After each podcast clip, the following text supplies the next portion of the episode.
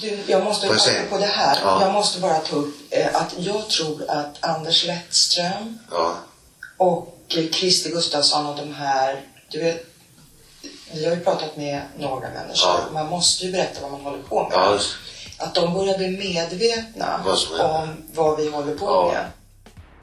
Den sammansvetsade trion, bestående av Thomas Sjöberg, Diane Rauscher och Tove Meyer, har det gångna året grävt i kungen och hans vänners vilda festande på bland annat svartklubben Club Power, driven av gangstern Mille Markovic.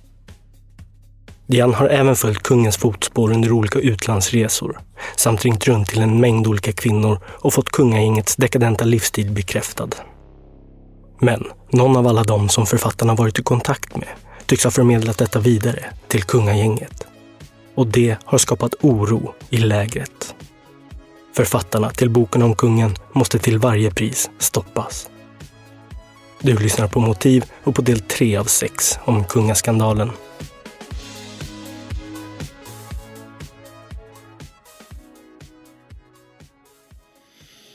För det som följer nu är ju...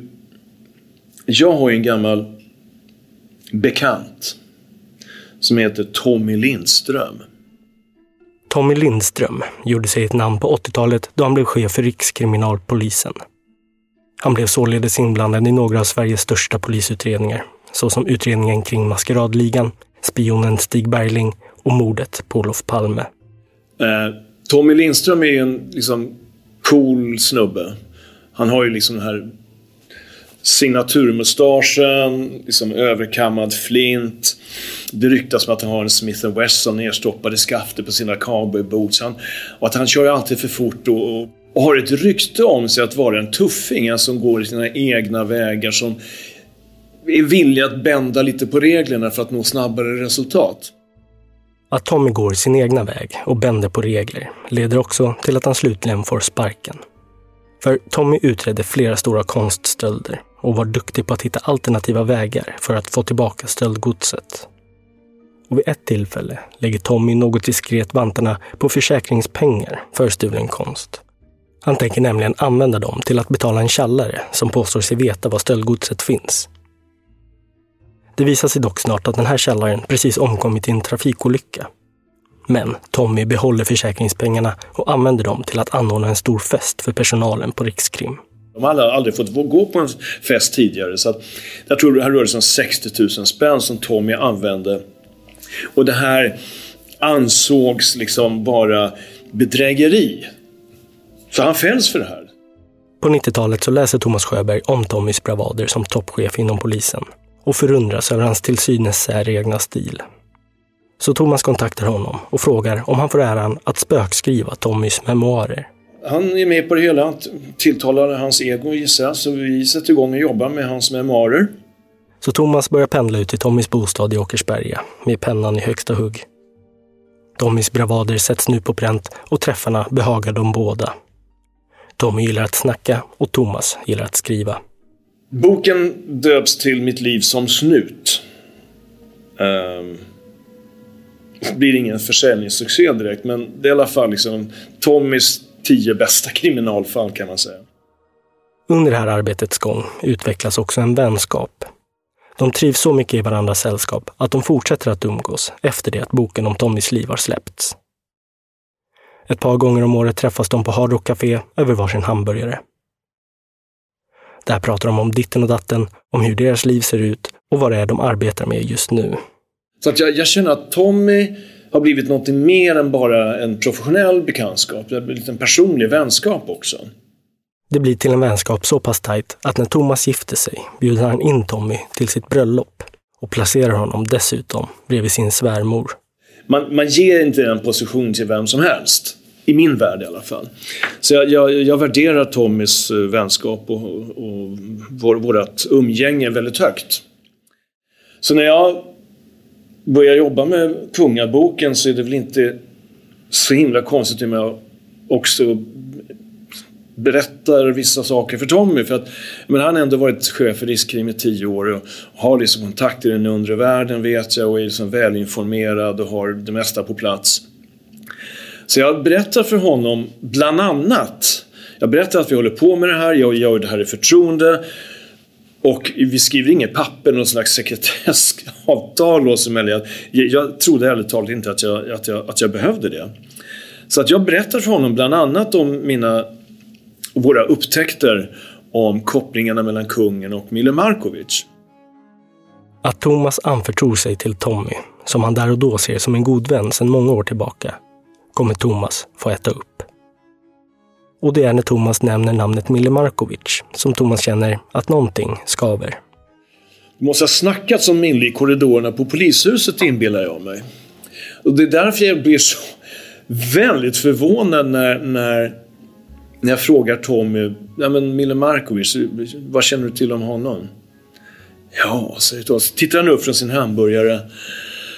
Mille Markovic säger du? Ja du, jag vet inte. Ja, nej, alltså namnet låter bekant men nej. Nej. Och när han för mig inte ens verkar känna till namnet Mille Markovic annars än väldigt flyktigt och, och så, så, tänker jag det här det kan inte stämma. Det är något som inte... Nej men... Mm, det, här, det, här, det här känns inte riktigt som att han är uppriktig här. Någonting är lurt med Tommys undflyende reaktion. Men de fortsätter att träffas och vid ett senare tillfälle bjuder Thomas hem Tommy till sig. Eftersom en hel del av det de grävt i kretsar kring Säpo så har Thomas lite frågor.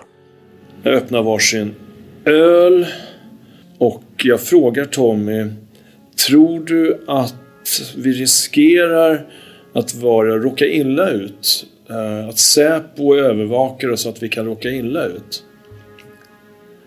Och Tommy svarar att det skadar inte att vara försiktig. Det skadar inte att vara försiktig, säger Tommy och Thomas tar orden på allvar.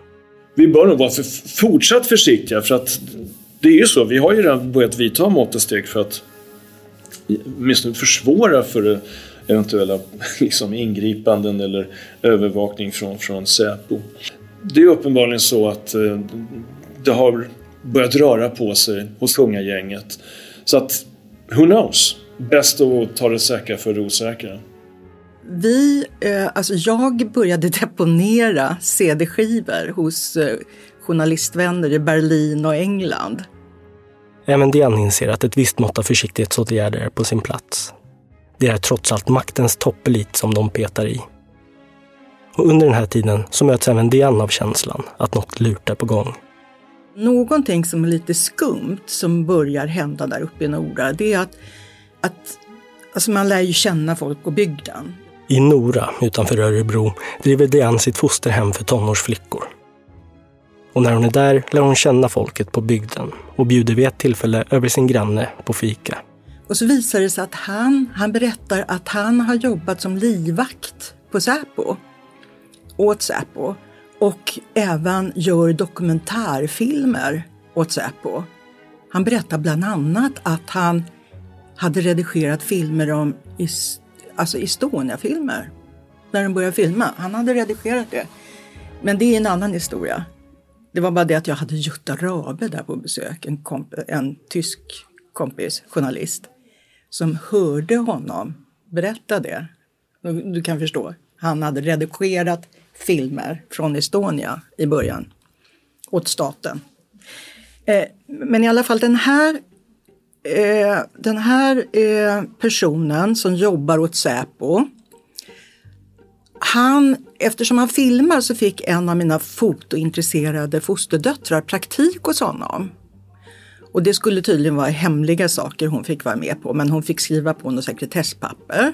Hon är lite äldre. Eh, men hon berättar för mig att han börjar förhöra sig, alltså rätt regelbundet, på eh, vad jag håller på med, vad jag gör och så vidare. Sen märker jag att han börjar distansiera sig, alltså han undviker mig. Och helt plötsligt så upptäcker jag att han har tagit bort mig som Facebook-vän. Och då tycker jag det är jätteskumt. Och sen googlar jag honom lite grann och då upptäcker jag att han är kompis med, eller han sitter på någonting som heter Rättskonsulenterna. Där Tommy Lindström och en annan person som heter Kjell Histrell eller Kjell någonting. Eh, någon person som har försökt att adda mig i samband med att jag börjar med Kungaboken. Plus den här Trond Stefausson. Så den här före detta livvakten för Säpo är med i något som kallas för Rättskonsulterna. En juristbyrå som drivs av den före detta rikskriminalpolischefen, tillika Thomas gamla vän Tommy Lindström. Samt av journalisten, juristen och författaren Trond, Trond Sefastsson. Och denna Trond känner Diane till sedan tidigare, då hon haft honom som gästföreläsare på sin journalistutbildning. Men så plötsligt en dag så dyker denna Trond upp i en matvarubutik när Diane är ute och handlar. Och så tar jag upp någonting med honom som har att göra med att jag håller på med något bokprojekt. Och han kom nog ihåg att jag hade skrivit Makten, männen, mörkläggningen så han säger att du, du ska nog akta dig för att eh, skriva för mycket om, om mäktiga män.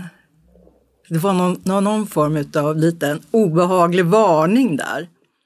Då börjar jag förstå hur känsligt det här var och att jag borde vara försiktig. Jag, jag ser framför mig att kungavännerna, jag förstår också att det börjar bli oro i lägret.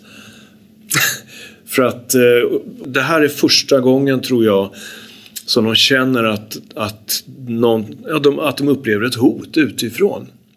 Thomas, Diane och Toves gräv kring kungen och hans kompisar har nu fått ringar på vattnet. Och det tycks inte bara vara kretsen kring kungen som fått viss information, utan det har även andra journalister. Och Det intressanta i sammanhanget är att plötsligt så blir Diane kontaktad av Janne Josefsson på Uppdrag granskning. Janne Josefsson har nåtts av informationen om att Diane skriver på en bok som berör kungens privatliv. Och Janne vill ha ett möte.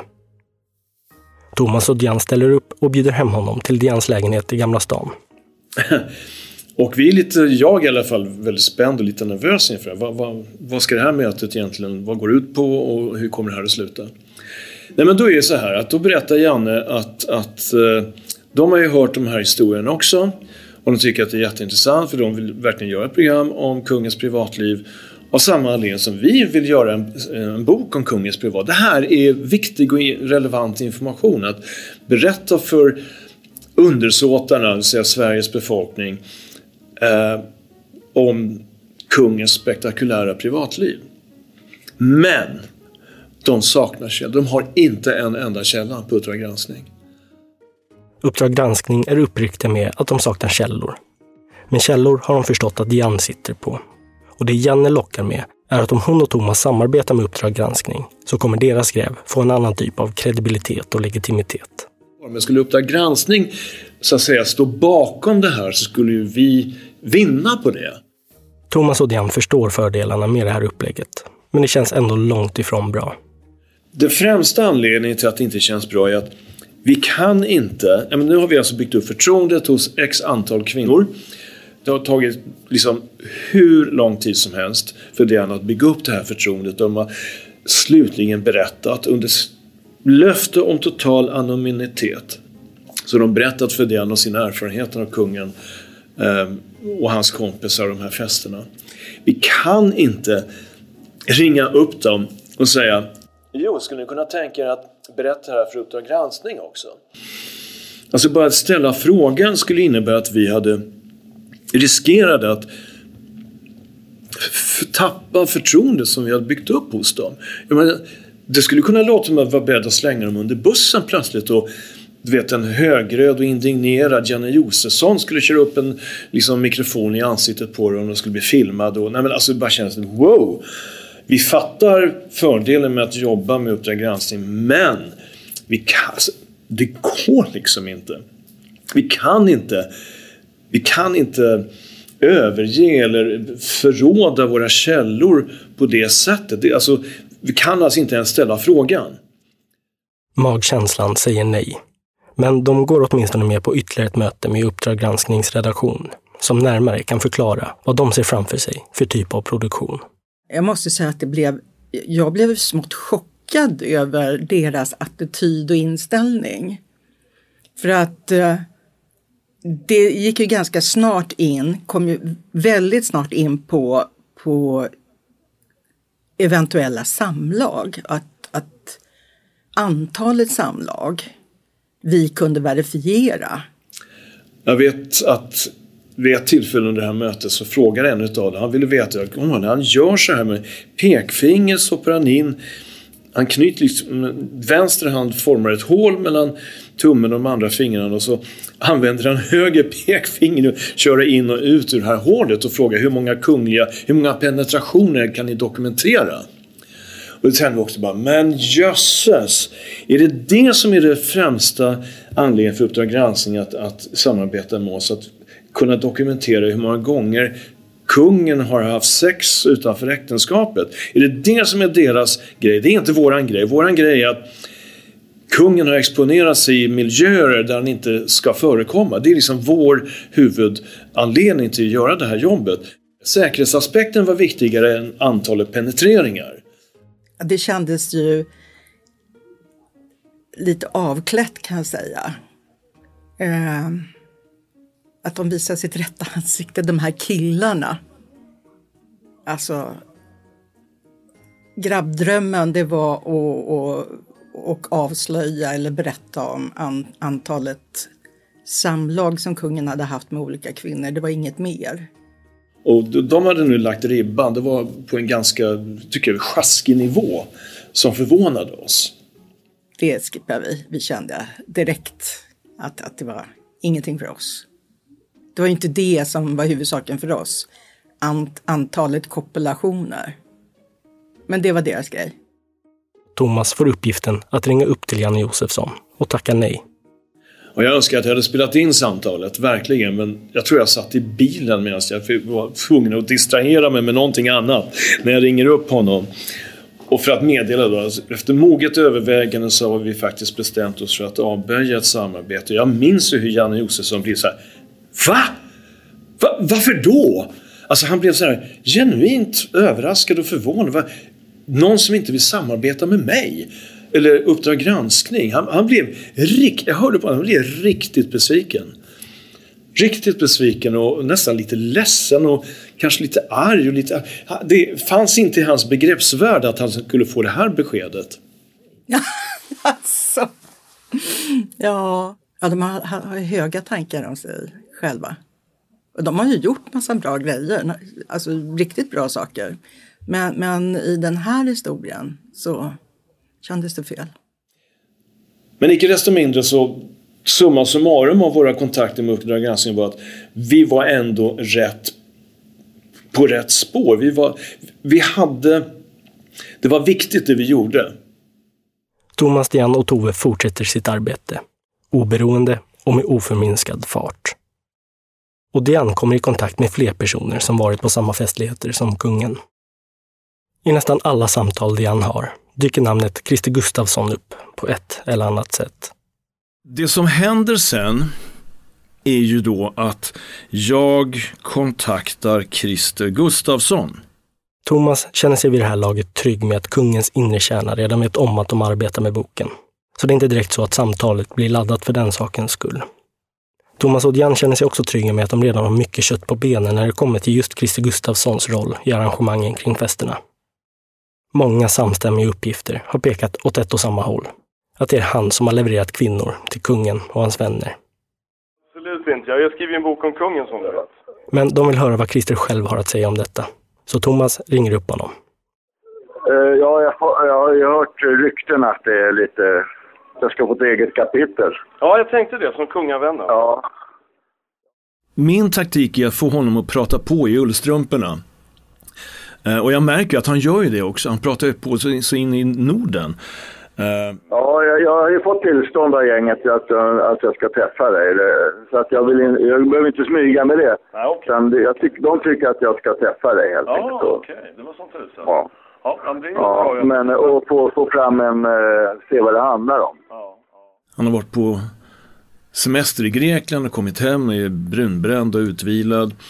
Och då säger han till mig att han har fått gängets tillåtelse att träffa mig.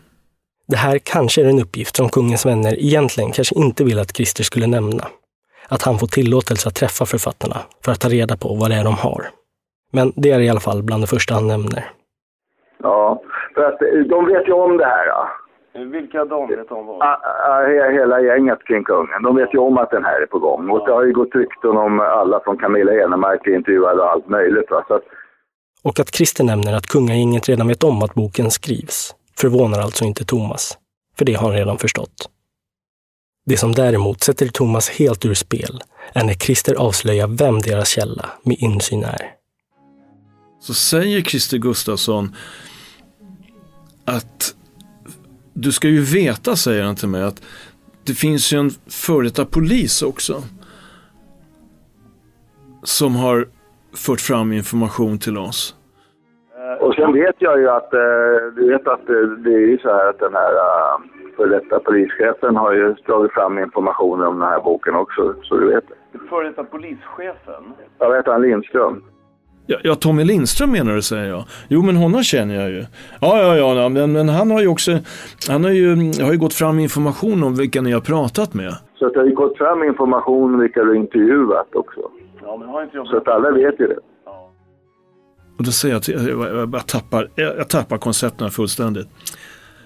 Ja, säger jag, men Jag litar ju på att han inte berättar för andra vad Det- jag berättar för det gör han.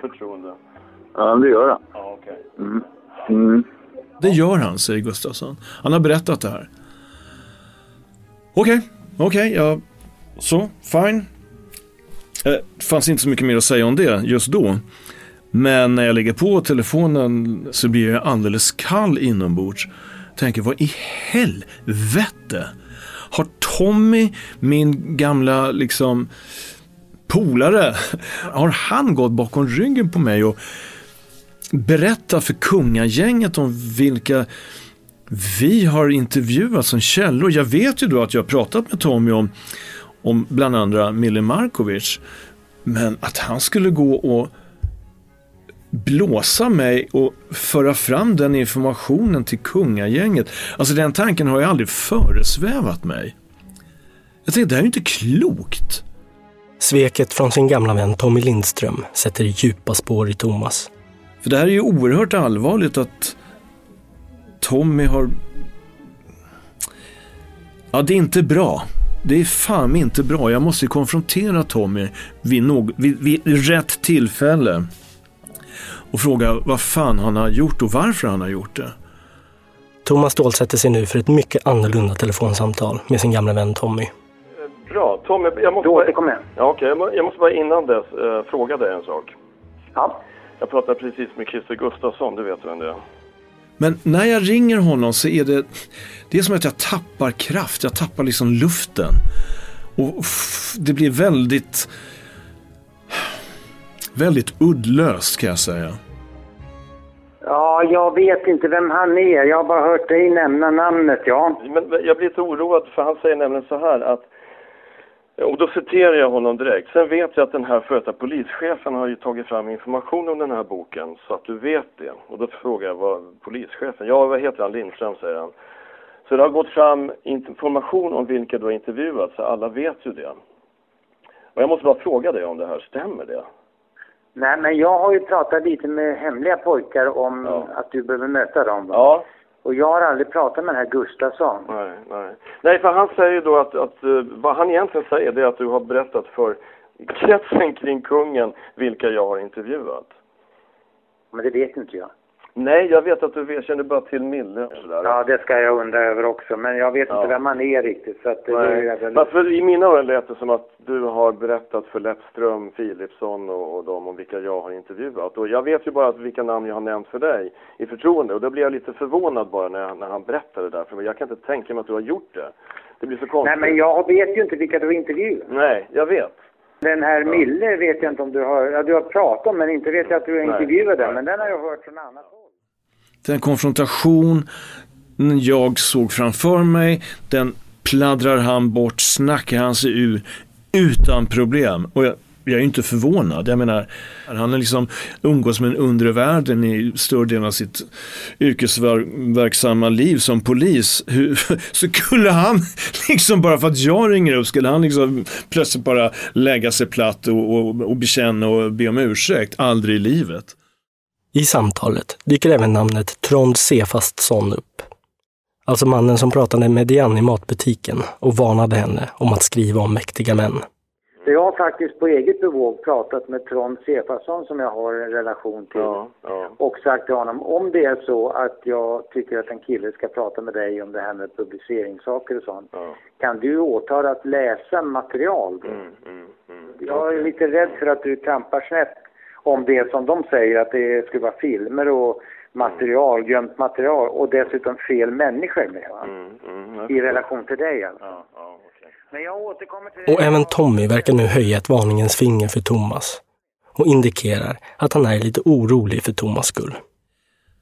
Men det här med Tommy, han återkommer ju. Eh, Ja, Tommy kommer att återkomma senare i historien.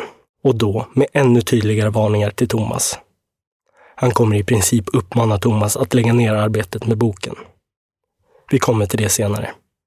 Där vi är nu, sommaren 2010, så försöker Thomas skaka av sig känslan av svek så gott han kan. För arbetet måste fortgå. Och han bibehåller telefonkontakten med Christer Gustafsson. Ja, ja, de, är- jag har ju informerat alla han hymlar ju inte med, jag påstår ju att han haft den här rollen, att han har varit tillhandahållit unga kvinnor till kungen och hans kompisar. Och han förnekar ju inte det. där. Men han säger, jag har ju inte varit någon hallick eller så, men jag vill inte ha att jag står som någon jävla hallick. Det är minst det. För det är inte det det har handlat om.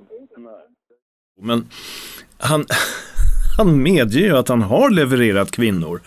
Ända sedan Alexandra-tiden när jag jobbade i nattklubbsbranschen så har jag ju aldrig gillat att gå ensam på fester och då har ju folk uppmärksammat att eh, eh, Gustafsson tar alltid med sig någonting gott på den tiden. Så att jag var ju inte den enda ungkarlen i, i på 70-80-talet. Det var ju många som var. Men eh, jag var väl den som hade fräschingarna.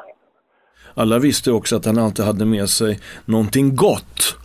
Och att det var han som hade fräschingarna. Och när han säger det här till mig, alltså jag blir så, jag blir så paff.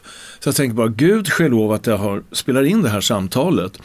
Men jag har inte då nerv nog att be honom utveckla vad han menar med någonting gott och fräschingar. Utan jag tänker bara, gud, bra, jag har det här dokumenterat. Det här kan vi använda, det är guld värt. Men jag vill, inte, jag vill inte pressa honom i det här läget för att vårt syfte med att kontakta Christer Gustafsson det är ju att få till en intervju. Jag vill, eller vi vill ju att han ska bekräfta det här, att han har haft den här rollen. Han, är ju, han har ju redan gjort det i det här samtalet men vi vill ju ha, träffa honom, sitta ner ordentligt. Men, Efter lite lirkande så går Christer slutligen med på en regelrätt intervju. Han har ju trots allt fått kungagängets godkännande att träffa Diana och Thomas. Och det som också kommer att framgå är alltså att kungagänget i sin tur är intresserade av att få reda på vad det är för information som Thomas och Diane sitter på. Då ses vi. Bra, bra. Hej, hej. Jag bara jublar inombords. Jädrar i det, nu har vi Gustafsson. Kungavännen ska äntligen berätta. Vad han nu kommer att berätta, det vet vi inte, men eftersom han ändå har medgett att han har den här rollen, att han alltid med sig någonting gott och har fräschingarna, så har vi goda förhoppningar om att han kan utveckla det där i en regelrätt intervju. Det är nu den 31 augusti 2010 och ett möte har bokats in på ett hotell på Tulegatan i Stockholm mellan Christer Gustafsson, Thomas och Diane. Eh, vi, vi, fick, vi frågade om vi fick använda bandare och det var helt okej för honom. Jag undrar om det inte var så att han också hade en bandare med sig. Så var det nog. Han bandade nog också samtalet. Så det var ömsesidigt då. Han skulle väl spela upp det för grabbarna då och få eh, minus eller plus i, i kanten. Eh, och så började vi då att prata med honom. Jag tror vi satt där ett par timmar. Diane minns Christer som svettig av nervositet. Kanske inte över att möta Thomas och Diane, utan över vad kungavännen Anders Lettström ska tycka om hans medverkan.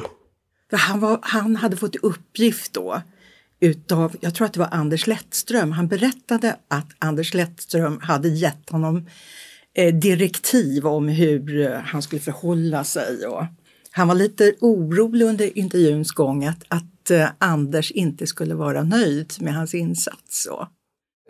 Det, det kommer tolkas, så här skulle sagt, så skulle sagt. Han, är alltså, han, han bestämmer ju så mycket Anders. Utan allting man gör kommer alltid vara fel. Ja. Vad fan sa du så för? Vad sa du så? Men, men alltså, precis. nej. Men jag tänker så här, när de får reda på... I det här hotellrummet är det inte bara Christer Gustafsson som besitter en social begåvning. Det gör även Diane Rauscher. Diane, alltså hon är ju väldigt duktig på hon inleder. Hon har en fantastisk förmåga skapa en väldigt avspänd stämning i sina samtal och intervjuer. Hon är lyhörd och, och skrattar mycket och är på och ger den hon pratar med all sin uppmärksamhet. Och hon, är, ja, men hon är väldigt liksom, angenäm på det sättet och hon får människor att slappna av på ett sätt som är, som är absolut avgörande i sådana här sammanhang. Och efter en del kallprat så lyckas Diane avväpna Christer Gustafsson. Han slutar svettas och tycks istället njuta av den uppmärksamhet han får. Han gör till och med så att han skiter i att sätta på sin bandare. Han skiter alltså i Anders Lettströms direktiv. Christer Gustafsson freestylar och börjar gå på känsla. Jag vill in i nöjesbranschen, jag älskar brudar, jag tycker världens bästa grej och jag älskar människor, jag älskar att umgås, socialisera, vara social helt enkelt. Jag är ett socialt geni som alla säger. Va? Men det är ju så här att det, det är ju endast där och man har ett förtroende överallt. Ska, så ska det vara. Så jag började faktiskt. Han är väldigt otydlig, Christer Gustafsson. Han är, det märks att han har så mycket att berätta som han inte kan berätta och inte vill berätta. För att det är ju förtroende han har byggt upp i sin tur hos kungen och hans kompisar. Så att det är ingenting man berättar för journalister. Men vi förstår ju att han sitter med jättemycket information.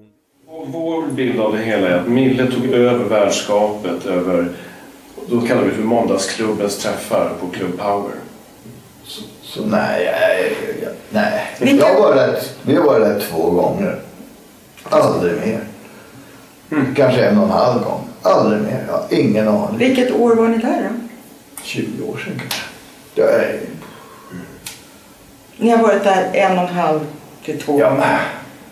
Jag kommer inte ihåg. Alltså. Det finns inte ett minne av det där. Det är som en, vilken middag som helst. I Kamraten. Sen är det över. Sen är det näst... Fast ni abonnerade lokalen på undervåningen? Ja, det blir så. Under några år? Ja, ja, två gånger kanske. Mer kan det aldrig ha varit. Och framförallt eh, om jag var där tidigare så är, är det med helt andra gäng. Men var kungen med er någon gång? Ja, en gång vet jag att han var med. Mm. Och det var efter en biovisning. Och det var när Mille drev stället? Inte en aning. Darius var den enda jag hade kontakt med. Okay. Ja. Ja, ja, vi måste bara ställa de här frågorna ja, någonstans. Ja. Var Säpo med bevakade då? Säpo har alltid varit med. Mm. För att eh, de ringer ägaren och kollar med bombhundar och allting. De är alltid med om det är så att ja, majestätet ska vara med. Vi får dem till slut att bekräfta i alla fall att kungen har varit på Mille Markovic svartklubb vid åtminstone ett tillfälle. Och det låter ju inte mycket, men ett tillfälle är allt vi behöver. Om vi kan få Christer Gustafsson att bekräfta att kungen varit på svartklubb vid åtminstone ett tillfälle, då har vi lyckats och vi får honom bekräftad där. Thomas och Diane lyckas få Christer att bekräfta att kungen varit på Milles svartklubb vid minst ett tillfälle. Men vad är det egentligen som Christer Gustafsson svarar på den här frågan? Var kungen med er någon gång? Ja, en gång vet jag att han var med. En gång var han med, säger Christer. Var Säpo med bevakade då? Men när Diane senare följer upp frågan säger han Säpo har alltid varit med. Mm. För att eh, de ringer ägaren och kollar med bombhundar och allting. De är alltid med om det är så att ja, majestätet ska vara med. Han säger att Säpo var alltid med som att kungen har varit där vid upprepade tillfällen. Men Thomas är belåten, för ett bekräftat fall är bättre än inget. Han fattade kanske inte själv just då att han precis har bekräftat att Sveriges statschef har befunnit sig på en jävligt olämplig plats för en, för, för, för en kung och statschef att befinna sig på överhuvudtaget i en källarlokal på Kungsholmen utan sina livvakter. Det är helt galet med, med en gangster som driver stället och stripper och, och, och allt möjligt. Och även kvinnor som är beredda att gå längre än så. Det är oerhört men vi har det på band, vi har, vi har lyckats. Och, det är... och Christer fortsätter därefter att snacka på. Fördelen var ju det, jag står för det, alltid var ungkarl, jag gillar tjejer. Och jag såg det bara som en föreställning, presentera mig. Mm. Så när jag sitter med någon så visste de exakt vem de satt med. vad det nu och vem är det? Så jag slipper det där för det är ju så jävla jobbigt den här introduktionen. Så att det var ju pang på rödbetan på en gång. Hela 80-talet vet du, det var ju en enda jävla sexresa. Ja. Ja, det var det. ja. Det är väl det som driver, säga, det, det är det som styr världen på något sätt. Mannens Det- behov av eh, utlösning. Utan den här utlösningen hade det inte funnits en Ferrari. Eller en Lamborghini på stan eller ens en lyxbåt. Hade inte ens vunnit Gucci. Men har du aldrig funderat över hur mäktiga män är beredda att offra så mycket eller riskera att förlora så mycket för en utlösning? Ja, så utlösning är belöning. De söker bekräftelse. President Clinton, Ja, men ja, det, du vet, det är bekräftelsen. Det är utlösning är belöning. För vad? Bekräftelsen av att eh, eh, finnas till. Eh, eh, det är jag tror det handlar bara om bekräftelse. Att Och sen så blir- tror jag att folk, människor som är gifta, det blir en vardag vem som än är gift. Det blir en vardag där. Det knullas inte längre i familjen. Det, det, det är inget spännande längre. Och under samtalets gång så vill Thomas och Diane kontrollfråga honom kring uppgifter de fått höra på annat håll. Och det är nu Christer får reda på vad det är Thomas och Diane grävt fram. Och vid varje uppgift reagerar han något avslöjande med ett åh fan. Eh, hur är det med Stenbeck och den här Baobab-våningen då? Som ni var i också. Åh, fan. Den är från alla TV-produktioner. Åh, och fan. inte förekommer i Z eller Åh, fan. Moderna Tider var kanske inte så aktuellt. Men överhuvudtaget. Gig du gjorde på Svenssons i Uppsala. Åh jävlar vad ni har. Jag vet! Ja. Vad visste? Han tycks något förvånad över hur djupt Thomas och Diane har grävt. Men nu kan han i alla fall med gott mod gå tillbaka till Anders Lettström och berätta vad det är de vet. Den flera timmar långa intervjun lider nu mot sitt slut. De packar ihop och skiljs åt. Jag tror inte att Gustafsson riktigt fattar vad han just har varit med om. Och jag och Diane, vi bara jublar inombords. Vi känner bara jävlar. Nu, nu har vi det. Nu är vi hemma. Diane och Thomas behöver debriefa och bestämmer sig för att ta en öl i solen på en bar på Sveavägen. Och då först plockar Thomas upp sin mobiltelefon. Och jag ser att jag har ett missat samtal från Nina Eld, som då är hovets presschef. Och som av en händelse, 20 minuter efter intervjun med Christer Gustafsson, så hör äntligen hovets presschef Nina Eld av sig. Thomas har sedan en tid tillbaka försökt komma i kontakt med henne för att kunna berätta mer om upplägget kring den bok om kungen som de håller på att skriva. Jag tänker att det är lika bra att ta tjuren vid hornen. Så jag ringer upp henne och slår på inspelningsfunktionen. Hej, förlåt jag satt i möte när, när, när du... Inga problem. Tack för att du ringer tillbaka. Ja, för tusan. Absolut. Jag befinner mig på stan så det är Ja, jag hör det. Att väldigt jag... oväsen här. Är- Var är du? Stockholm eller? Ja, i Stockholm ja. Ja. Och det som följer nu är ju en katt och råtta-lek kan man säga. Det vill säga, det är vi två katter som kretsar kring ett fatet med het gröt. Hur har sommaren varit då? Ja, den har varit fantastisk, tack. Ja. Det blir en, som en uppvisning, det blir som en spel för gallerierna. Har det varit bra själv? Ja, bra. det har det, det har det väl för alla tror jag. Ja, det har varit en fantastisk sommar, verkligen. Ja, Ja. underbart. Ja. Samtalet blir en innehållslös uppvisning i kallprat. Där de båda försöker att låtsas om som att de inte vet om vad de båda vet om. Vill du då veta, ja den här boken, är det en, en, en biografi? Va? En geografi? Nej, en... Jag tyckte du sa geografi och då tänkte jag det kan... nej, nej, nej, nej. Nej. Nej, biografi. Eller vad ska vi säga? Alltså vi förstår inte riktigt varandra, vi snubblar på orden och vi hör inte riktigt för det är ett jävla liv från Sveavägen. Ja, ja, du, får jag skicka den mail, Nina? Gör det, Eller får jag gör ringa det. dig igen jag Nej, det, skick, skick, skicka ett mejl. Ja, jag Jättebra. gör det. Toppen. Tusen tack. Ja, tack själv. Hej, Hej. hej, hej. Ja, så jag och Diane beställer väl genast in varsin öl till. För att, nej men det är ju så, Diane säger bara, ja men go for it, skicka det där mejlet. Men det är ju första gången som vi pratar med någon representant för hovet under de här två dryga två åren som vi har hållit på med boken. Så att det blir ju också det blir ju historiskt i vår värld. Men nu vet i alla fall alla om att boken är på gång och vad för typ av uppgifter den kommer att kretsa kring. Boken är inne i sitt slutskede och ska inom några månader släppas fri. Och allt, som jag sa, allt hittills har egentligen varit bara i teorin. Nu har det blivit, nu har det blivit verklighet. Nu har det blivit verklighet på riktigt. Och Tove Meijer minns det här lugnet innan stormen. Jag tror att um, jag var nog en form av kicktorsk som tyckte att det här var väldigt spännande. Samtidigt så kunde jag väl inte liksom inte fundera på vad, eh, vad, vad, är, vad kommer det här landa någonstans? Då så tyckte jag att det bara var väldigt spännande plus att jag också kände att eh, den här meningen att män gör som män har gjort i alla tider, att jag kände att jag själv hade liksom varit en del av eh, att finnas i olika sammanhang där man har kanske inte varit direkt utsatt, men man har sett hur, hur maktens män har liksom, eh, utövat eh, sina tagit, alltså, utövat sin makt eller eh, sina befogenheter. Och där jag kände att liksom Ehm, det här är inte okej. Okay. Det ska bli ganska skönt att eh, lägga korten på bordet på något sätt.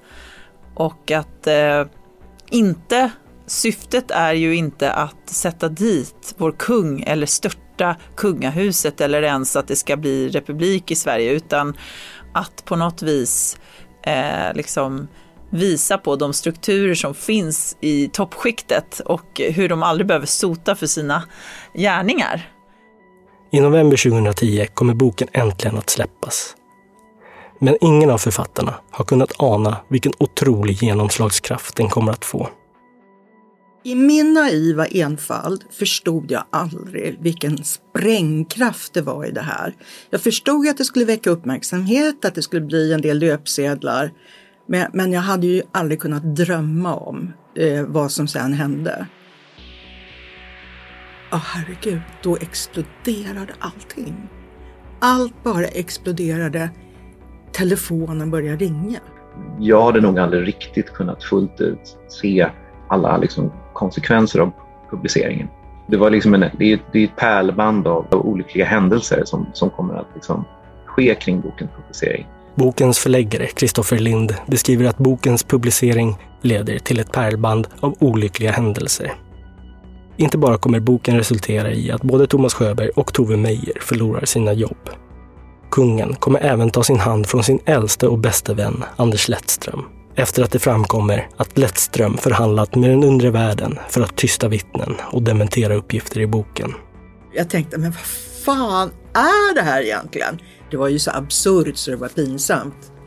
Det och mycket mer i seriens resterande delar. Kungaskandalen är en samproduktion mellan Talltale och Sinaida Production. Producerat av mig, Nils Bergman. Medproducent Thomas Sjöberg. Ansvarig utgivare Jonas Häger. Kungaskandalen görs även i samarbete med Lexbase. På lexbase.se kan ni som betalande medlemmar ta del av tre kostnadsfria domar med rabattkoden Motiv. Tack för ditt stöd och tack för att du lyssnar.